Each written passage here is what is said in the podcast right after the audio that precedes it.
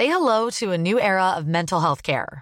Cerebral is here to help you achieve your mental wellness goals with professional therapy and medication management support. 100% online.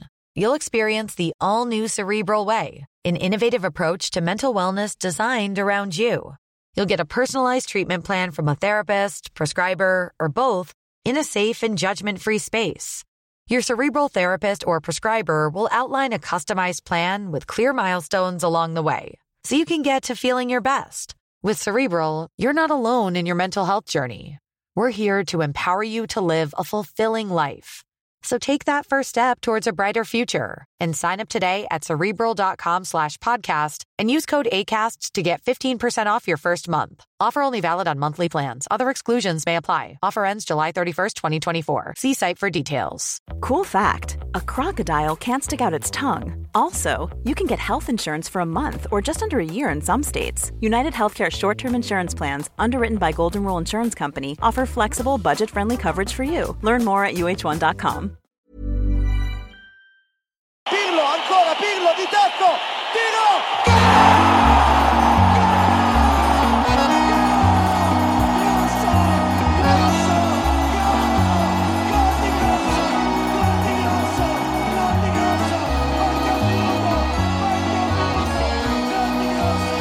intressant och ett så kallat varmt nöje att hälsa er välkomna tillbaka till Calcio Amore. Jag heter Marcus Birro. Och eh, med betoning på varmt så sitter jag då på högkvarteret på Södermalm i den märkliga staden Stockholm och eh, jag tänkte jag skulle gå igenom den första omgången och jag har alla fönster öppna. Och har precis ställt ut mina döende småpalmer i fönstret för att se till att fönstret hålls öppet. Så det kommer lite sköna inflygningar mot Bromma som ni säkert hör Bromma i bakgrunden. Möjligen kommer ni höra någon halvneurotisk skön granne som går ner och påtar i den så kallade trädgården här nere på innergården. Eller så kommer ni höra någonting annat. Men fönstret måste vara öppet för det är, kan bli kanske årets sista riktigt supervarma dag när detta bandas.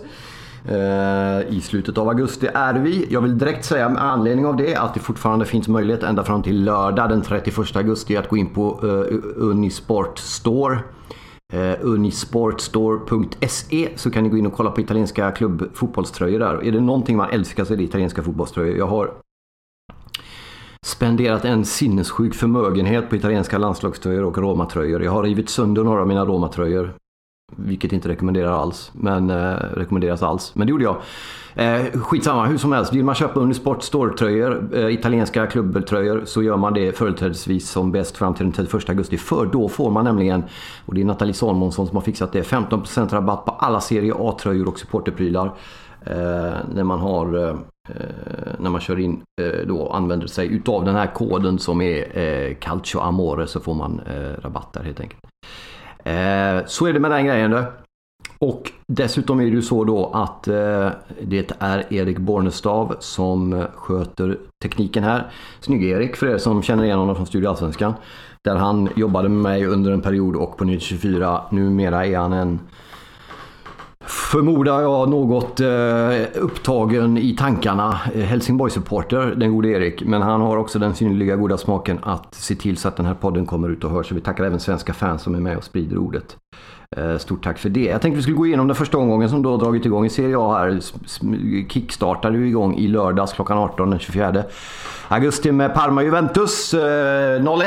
Och eh, om den matchen kan man väl säga att jag tycker att den såg ut ungefär exakt som jag hade förväntat att den skulle se ut. Och det, alltså, jag kan en del om fotboll men någon, någon tippare eller någon expert i den meningen att jag brukar, du vet, kula klar skallsbild har jag nästan aldrig av en fotbollsmatch. Det brukar sällan bli som jag föreställer Men det här blev ungefär exakt som jag hade trott och tänkt. Juventus var exakt lite så mycket bättre än Parma som Juventus brukar vara i början av säsongen. Men man brukar faktiskt inte vinna borta mot Parma alltid så det var ändå en viktig seger för dem. Eh, Parma som stundtals i matchen, framförallt med start i andra, tyckte jag såg hyfsat pigga ut. Eh, men Juventus eh, var ju bättre naturligtvis. Och eh, kul också med Giorgio Chiellini som fick hockeystöta in 1-0 i 21 minuten där. Framspelad av ett skott av Alexandro var det väl som sköt och så stod Chiellini i vägen helt enkelt. Och styrde med, med benet in 1-0 för Juventus. Sen gjorde även Ronaldo 2-0 och det var ju nästan synd att det blev bortdömt för offside. Hans adamsäpple var väl offside. Det var någon centimeter millimeter eller något sånt där. där. Men det dömdes bort och det var nog rätt. Men synden då för eh, det var ett snyggt mål han gjorde där eh, och man ser ju att Juventus naturligtvis kommer vara antingen ett eller två i den här säsongen. De är så pass jävla bra alltså. Parma eh, tror jag kommer att ligga i den nedre halvan men man kommer inte att riskera att åka ur. Eh, de är lite för bra för det. De har för bra enskilda eh, spelare för det. Värt att notera här tycker jag eh, Iguains eh, Samarbete med Ronaldo tyckte jag funkar bra. Bernadeschi kom in i slutet. Okej, okay. Quadrado kom ut mot, istället för Diogo Costa i den 70 71 där. Eh, inte så mycket att snacka om. De gör 1-0. Framförallt då vi som var på Friends Arena va? och såg Juventus Atletico Madrid där. Eh, nu ska man inte dra några växlar överhuvudtaget på den matchen. Det har vi varit inne på och pratat om förra gången för någon podd sen här. Men eh, eh De Ligt spelade inte eh, den här matchen och det var... Eh, vad ska man säga om den grejen? Att jag tror aldrig... Det var ju De Chilio, Bonucci, Chiellini, Alexander istället. De Chilio då som gjorde en bra match. Chesney gjorde också en bra match. Eh, alla Juventus gjorde mer eller mindre en bra match förutom Kedira som inte var speciellt bra. Men, eh, nej, men det är att det såg naturligtvis otroligt mycket stabilare ut för dem. Det var ju klasskillnad försvarsmässigt än det var i den där matchen. Um, och nu vet jag inte riktigt om det Ligt skadade skadad eller han, inte, liksom, han var inte ens med i den här matchen så det var väl inte aktuellt då. Men jag tror att han kommer få det svårt att slå in, slå, komma in i det här laget. Om, för var det någonting som funkade direkt för Juventus så var det ju försvarsspelet. nu vet ju ni som kan det här att Juventus spelar inte försvarsspel bara med backlinjen utan man spelar försvarsspel med hela laget. Så att eh, det går naturligtvis att byta ut en De Chilio eller en eh, Alexandro. Chiellini Bonucci rör man ju inte liksom. Eh, eh även om Bonucci själv har gått ut och sagt att han har en hel del kvar att bevisa, en hel del kvar att leverera eftersom han inte var nöjd med förra året och förra säsongen. Uh, av olika anledningar, både i klubb och landslag så fanns det en del kvar där att uh, visa på. Men, uh, ja, men de vinner den matchen, Juventus, i premiären på lördagen med 1-0 och det är inga konstigheter. Och sen går vi till kvällsmatchen och där var det ta fan så det svängde oh, sinnessjukt. Fiorentina, Napoli 3-4. och jag vet inte. Det, det, var ju en fantastisk fotbollsmatch att sitta och kolla på. Otrolig inramning. Eh, den här, eh, och det är ju ingen slump om man tror på Gud, och det kan man göra om man vill. Eh, den här, du vet, perfekt färgade lila himlen. 10 minuter, en kvart före matchstart, 20.45 var det väl. På lördagskvällen. Florens, Fiorentina med liksom, du vet, Ribéry har precis kommit dit. Eh, man tänker att det här kan ju bli hur jävla bra som helst. Eh, Napoli kommer, svår bortamatch direkt, stor match, mycket folk på läktarna, fin inramning och så blir det sju mål. Det var en eh, otroligt bra match. En del märkliga domslut. Eller, du vet, de har ju gått ut med i domarna i Italien att de ska inte ha så mycket VAR nu. Eh, och eh, de ska dra ner på antalet tillfällen där man använder sig av VAR om jag förstått saken rätt. Och det finns säkert en poäng med det. Men jag vet inte riktigt. Jag kan tycka att det finns någonting... Någonting oförlöst i den här jävla VAR. Antingen kör man VAR eller kör man inte VAR. Det blir otroligt märkligt när man visar vevar bilder och man ser att det inte är straff. Och domaren måste ju rimligtvis få höra i sitt öra, eller om man stänger av kommunikationen med VAR-rummet om man inte vill höra, om man har bestämt sig för att jag tänker inte kolla VAR oavsett om jag har rätt eller fel. Jag, för mig, jag fattar fan inte alltså. Ni som kan det här bättre och mer, ni får gärna höra av er på Facebookgruppen eller vad som helst på Twitter. Och gå in och förklara lite grann hur, eh, hur eh, det, det, fungerar med det där. Men nu, nu, nu fungerade det inte riktigt. Det var straffar som kanske inte var straff. En straff som definitivt inte var straff. Och sådär. Så att eh, nu blev det ju som det blev. Eh, intressant ändå tycker jag med Eh, Fiorentina som ju har ett, ett bra lag. Eh, Milenkovic som gjorde mål. Och bra, nu gjorde ju alla mål den här matchen i och för sig, men, men han var bra. Eh, eh Kesa sådär, finns mycket kvar att häfta. Pulgar var ju bra, gjorde mål på straff i början va.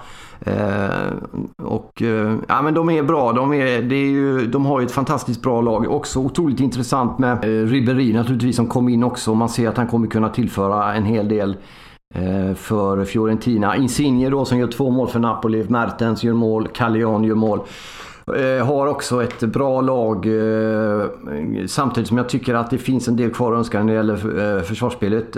Koulibaly snackar man ju inte bort. Manolassi är duktig.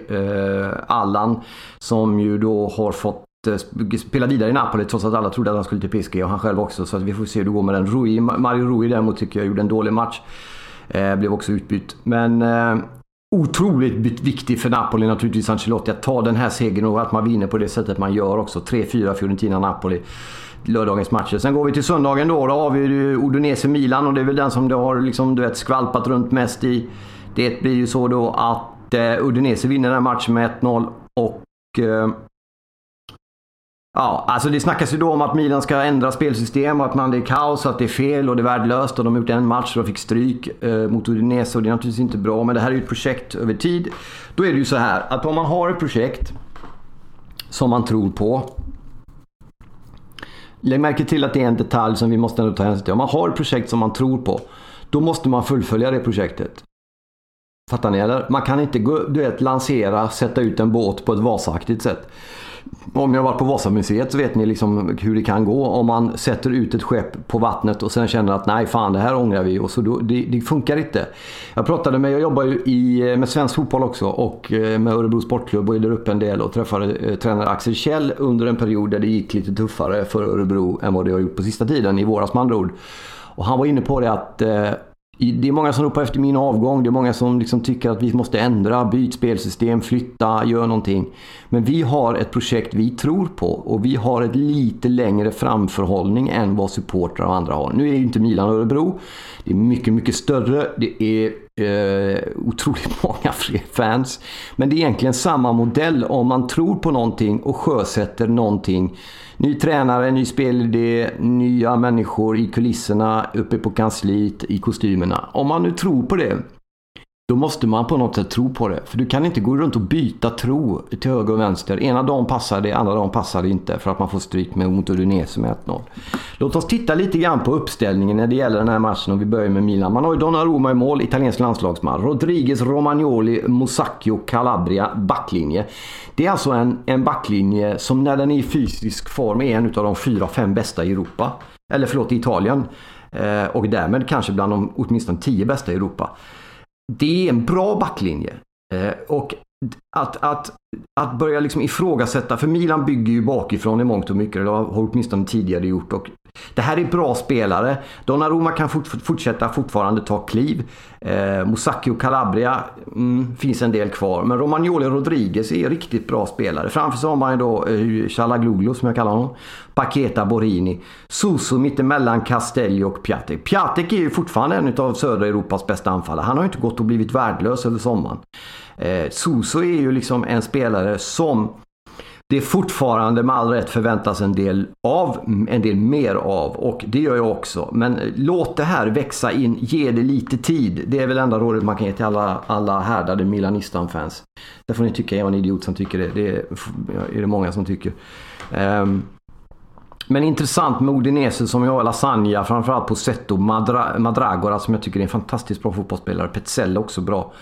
Uh, och Larsen. Så att Udinese kommer att vara bland de åtta bästa i år. Det, och det är inte bara för att man slår Milan med 1 De har ett smart lag, spelar smart, är effektiva, har ett bra försvarsspel. Och så den här dansken där i, eh, eh, på mitten som krigar och sliter och gör det bra. Så att ingen panik för Milan än så länge. Eh, de har en del att jobba på men jag tror att du måste låta projektet få lite tid. Eh, det är så det fungerar. Sen vet jag att tålamod är, liksom, det är det enda det inte finns när det gäller supporterskap och det är på det sättet som det ligger till. Cool fact a crocodile can't stick out its tongue. Also, you can get health insurance for a month or just under a year in some states. United Healthcare short term insurance plans, underwritten by Golden Rule Insurance Company, offer flexible, budget friendly coverage for you. Learn more at uh1.com. Ryan Reynolds here from Mint Mobile. With the price of just about everything going up during inflation, we thought we'd bring our prices down. So to help us, we brought in a reverse auctioneer, which is apparently a thing. Mint Mobile unlimited premium wireless. Ready to get 30, 30, bit to get 30, bit to get 20, 20, 20, bit to get 20, 20, bit to get 15, 15, 15, 15 just 15 bucks a month. So, Give it a try at mintmobile.com/switch. slash $45 up front for 3 months plus taxes and fees. Promo rate for new customers for limited time. Unlimited more than 40 gigabytes per month slows. Full terms at mintmobile.com. Quality sleep is essential for boosting energy, recovery, and well-being. So, take your sleep to the next level with Sleep Number. With a Sleep Number smart bed, you can individualize your comfort level and enjoy a better sleep night after night. JD Power ranks Sleep Number number 1 in customer satisfaction with mattresses purchased in-store. And now the Queen Sleep Number C4 smart bed is only $1,599, a saving of $300 only for a limited time. For JD Power 2023 award information, visit jdpower.com/awards. Only at Sleep Number stores or sleepnumber.com. Vi går vidare till kvällsmatcherna på söndag. Då har vi Verona mot Bologna och här hade ju Corriere dello Sport i veckan en fantastisk rubrik och eh, första sida på Milhajlovic som eh, eh, trots eh, blodcancer tror jag det var beskedet för några veckor sedan och att han hade magrat, gått ner mycket i vikt mm, med anledning av den hårda medicinering och det han är utsatt för när det gäller att komma till bukt med leukemin. Ändå var på bänken och tränade i Bologna. Det är alltså, ja jag får rysningar bara tänker på det fan mig alltså. Och Corriere dello Sport hade en bild på honom. Där han stod upp och pekade och dirigerade så stod det bara Un uomo. En man. Fy fan, där ligger ni i läs Sportbladet alltså. Uh, det var mäktigt. Eh, 1-1 uh, blir det mellan Verona, och eller förlåt, Verona Bologna. Eh, Bologna tar ledningen, Hellas kvitterar. Eh, intressant eh, på det här. Jag har båda de här lagen rätt långt ner. Jag tror att Bologna längre ner än Verona. Men kolla lite på Bolognas lag så har man ju Skorupski i målen och det gillar man ju. Danilo är ju ingen jävla dålig försvarare ihop med Jakes och Densville. På mittfältet har man Pauli, gamla Milan-spelaren där va? Michel och Rosolini, Soriano, Sansone och Palacio längst fram, den gamla interlegenden. Eh, mm, kanske inte det piggaste laget i Serie A, men ett lag som nog borde, borde klara kontraktet med råge i alla fall. Så jag har nog satt dem lite för långt ner inför den här säsongen. I tipset jag hade med min son förra veckan, men det var inte min sons fel kan jag säga. Jag tar på mig alla eventuella fel där. Han har ju mycket bättre koll än vad jag har. De här barnen som spelar Fifa, ni vet fan vilken stenkoll de har alltså. Eh, Verona då som har ju nykomlingar upp här, eh, även om de har varit med i Serie A mycket, har ju eh, Totino kanske framförallt. Henderson också intressant. Veloso. Eh, Värre eh, och Ramani att titta på. Hellas kommer få det jävligt tufft i år alltså. Men starkt gjort av dem att komma tillbaks och kriga till sig en poäng efter att ha hamnat i underläge mot Bologna 1-1. Men det jag tar med mig från den matchen det var att se krigaren Mihailovic på bänken för sitt Bologna. Det är fan med mäktigt alltså. Torino sen mot Sassuolo 2-1. Som vi säger, 2-1 till Torino. Otroligt viktigt. Jag tjatade om det hela förra säsongen när det gäller Torino. Fan, det är det laget som man tänker att de borde gå bättre än vad de gör. Alltid borde de gå bättre än de gör. Nu har man dessutom, vilket är grymt jävla betydelsefullt för det här laget, eh, fått igång Sasa som gör mål för Torino och Belotti som gör mål för Torino. Det här är ju två av Italiens i särklass bästa anfallsspelare i samma klubb. Får man igång, de ena, ofta har det ju då under förra säsongen och säsongen innan det så har det ju sett ut på det sättet att någon av dem har levererat, den andra har låtit bli. Och när det har varit dåligt så har båda låtit bli att leverera. Nu gör båda det samtidigt. Jag vet inte fan när det hände sist. Men det är mäktigt av dem. Sassuolo reducerades med 20 kvar men kommer inte ikapp. Och Torino har ett bra lag. Eh, eh, ett riktigt jävla bra lag. Och det har de haft länge. Det är Belotti, Sasa längst fram. Lyssna på mittfältet. Ansaldi, Lukic, Rincon. Han ger sig aldrig den jäveln. De Silvestri, Baselli. Sen försvarsspelet finns det något mer att då, de kör ju tre så att de har ju fem på mitten som är jävla wingbacks och skit. Men längst ner har man Bonifaci, Bremer, Izzo och sen har man ju då eh, en duktig målvakt i Sirigu. Så det här är ju ett lag för den övre halvan, definitivt Torino. Eh, men det är någonting som fattas nästan jämt. Eh, men äh, det ska bli kul att se vad de kan göra i år med den här starten. Och, och får man fortsätta hålla igång Sassa och Belotti i målskyttet så kan det gå riktigt bra. Sassuolo också intressant lag egentligen. Locatelli, Obiang, Traoré mellan eh, försvar och back. Ferrari, Rogerio, Marlon, Trojkan back. Consiglio längst bort den jäveln. Caputo längst fram. Jag tror Sassuolo kommer få i den nedre halvan under den här säsongen.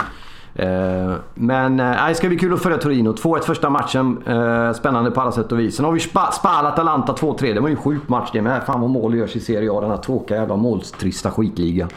Eh, Di Francesco då, där, pojken där till pojken där. Eh, det var ju så att Spal tog ledningen med både 1 och 2-0.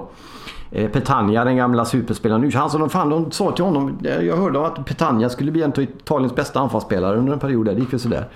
Eh, men de har 2-0 efter knappt en halvtimme. Men precis i, i slutet av andra halvlek med 10 kvar gör ju Atalanta ett viktigt reduceringsmål och sen så kommer man då ikapp och gör två snabba i slutet av den andra och då är det ju Muriel naturligtvis i Atalanta som gör de där två målen. Och det här är ju extremt jävla betydelsefullt för en klubb då som eh, gick riktigt bra förra året som alla vet. Vi har ju pratat om det här, alla har pratat om det att Atalanta var kanske Serie A's största överraskning förra året. Med en plats i Europa. Eh, ligger under 2-0 nykomlingar. Man kan tänka att nu är den här skitsagan slut, nu kommer det inte bli någonting mer, nu är de tillbaka på jorden. Och Så vänder de den matchen och vinner och då har man ju Gomes, Zapata, Basalic, Gosens, Mastiello. Deron, eh, Golini i mål. Eh, intressant. Spal har jag tippat sist och det får jag väl kanske checka upp möjligen. Men de har faktiskt en bra spelare. Di Francesco, eh, Petagna, som vi var inne på längst fram. Viktigt för eh, Spal att båda de gjorde mål, trots att det då inte räckte hela vägen. Och det har ju lite grann att göra med att man har en backlinje bestående av trebackslinjen, fast man har fyra mittfältare. Trebackslinjen med Felipe, Cionek och Vicari. Med Berisha då, den gamla Lazio-svenskbekantningen eh, där längst bak. Albanen där. Eh, kommer få det jävligt tufft. Om man inte kan hålla 2-0 och en tar poäng hemma i en premiär så kommer man få det tufft. Det är gammalt italienskt jävla ordspråk. Sampdoria-Lazio då, tänker man. Det här kan bli spännande. 0-3. Värt att notera där. Albin Ekdal spelar. Får en varning efter 25 minuter. Eh, den gode Ekdal. Stora är nog jävla Ekdal alltså. Eh, spelade hela matchen. Eh, den gode Albin. Men det hjälpte ju föga. Immobile, likt Insigne. Kul att italienarna levererar. Väldigt mycket italienare som gör mål. Sasa, Belotti, Immobile, Insigne. De bara bräker in mål. Immobile gör 2 när Lazio vinner med 3-0. Och, och eh, Korea dessutom, den andra anfallaren i Lazio gör. Och det här är ju framförallt att hålla nollan borta mot Sampdoria eh, är starkt. Sampdoria som har ett bra lag fortfarande. Cagliarella längst fram, Gabbiadini, Vera, Ekdal.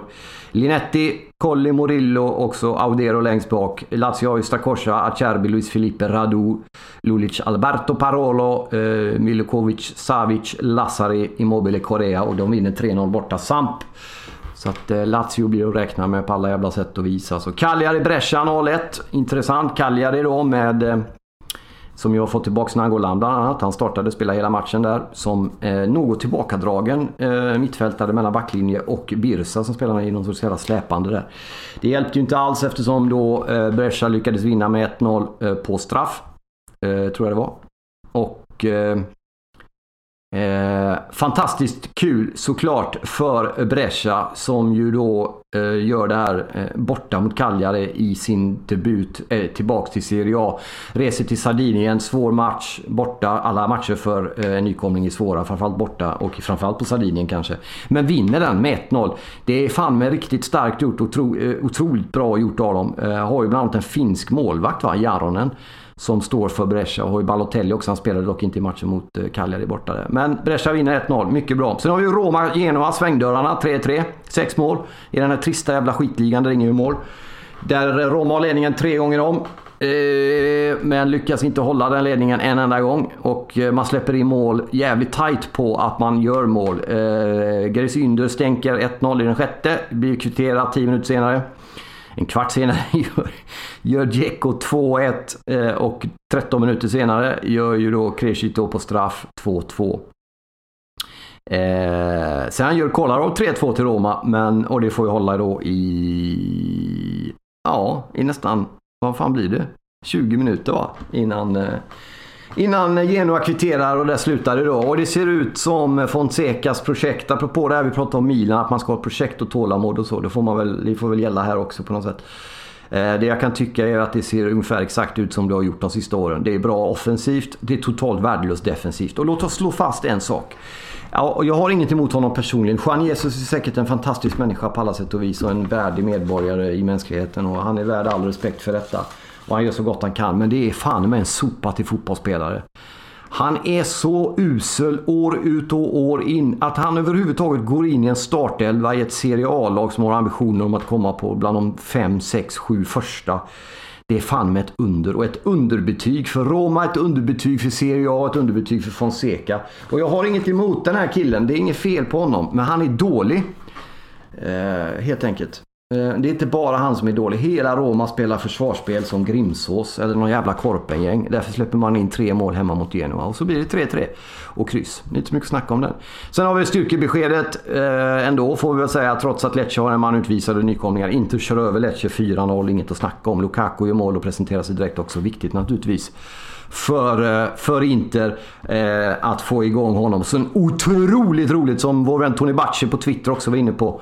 Att se Kandreva som fan har verkat ha grävt en grop rätt ner i helvetet den sista säsong, två säsongerna. Komma in och bara tokdominera den här matchen. Landslagsklass igen på Kandreva som också gör mål eh, ihop med Lukaku och eh, Brozovic och Sensi. Och likt Antonio Conte så har ju då Inter fyra mål och fyra målskyttar och det är ju så jävla starkt så att man fattar ju inte. Jag har ju tippat att Inter vinner ligan så att... Eh, ja, vi får se hur det blir med den saken. Det är långt, långt, långt, långt kvar. Men ändå, 4-0 Lecce. Tung start direkt för nykomlingarna från södra Italien. Men det är ju bara att glömma och gå vidare. Där har ni då eh, den hela omgången. Då. Fantastiskt på alla sätt och vis. Och eh, till helgen igen då, redan på fredag klockan kvart i nio faktiskt, är det Bologna-Spal. Sedan är det Milan-Brescia. Det blir eh, nästan ett derby, det ligger nära varandra. Eh, hyfsat nära i alla fall. Eh, klockan 6 den 31 det är på fredag, nej på lördag förlåt. Fredagsmatchen var Bologna-Spal. Två matcher lördag. Milan-Brescia och minsann klockan 20.45 på lördag. Juventus-Napoli. Den är inte så jävla dum det. Söndag klockan 6 har vi också en fin match, nämligen Lazio AS Roma. Fattar ni eller? Då vill jag passa på att säga också att det finns jag tror det är två platser kvar. De andra 18 är betalda och bokade redan. Men om ni vill följa med mig och Calciamore och Eventourage till Rom så finns det två platser kvar. Så gå in och kolla eller om det har blivit något avhopp eller avbok eller någonting. Eh, det kostar inte alls mycket faktiskt. Så ta den chansen. Det är i januari i returmötet då, Roma-Lazio helt enkelt. Så är det, eh, kan man åka med och då kan man mejla info at eventourage.com info at eventourage Alltså event, fattar ni hur det stavas? Alltså sen ourage.com. Maila där för mer information om den resan. Eh, men nu på söndag är det ju då första derby direkt, Lazio-Roma. Eh, och den blir ju, ja, det är ju 4-1 till Lazio, den skiten alltså. Eh, det är klockan 18 på, på, ehm, på söndag. Sedan är det då resten söndag kvällsmatcher. Atalanta, Torino, Cagliari, Inter, Genoa, Fiorentina. Fin match. Lecce, Verona, nykomlingsmöte. Sassuolo, Sampdoria, Udinese, Parma. Eh, och i tabellen då efter en omgång leder ju Inter, Lazio, Napoli. Så är det de tre första efter en omgång. Tack igen till eh, Erik Bornestad som sköter teknik. Tack till Nathalie Salmonsson som sköter hemsida och Twitter och Instagram. Eh, tack till er som följer oss. Tack till svenska fans. Tack till Idrottsförlaget som ni fortfarande kan gå in på och köpa den här stora tjocka fina boken om Serie A till rabatterat pris. Ehm, tack till svenska fans som sagt för att ni är med och sprider ordet om Calciamore. Och tack till er som följer. Fortsätt gärna att följa oss på de sociala medierna. Sprid ordet om Calciamore eh, så krigar vi på ett tag till. Ta hand om er. Arrivederci.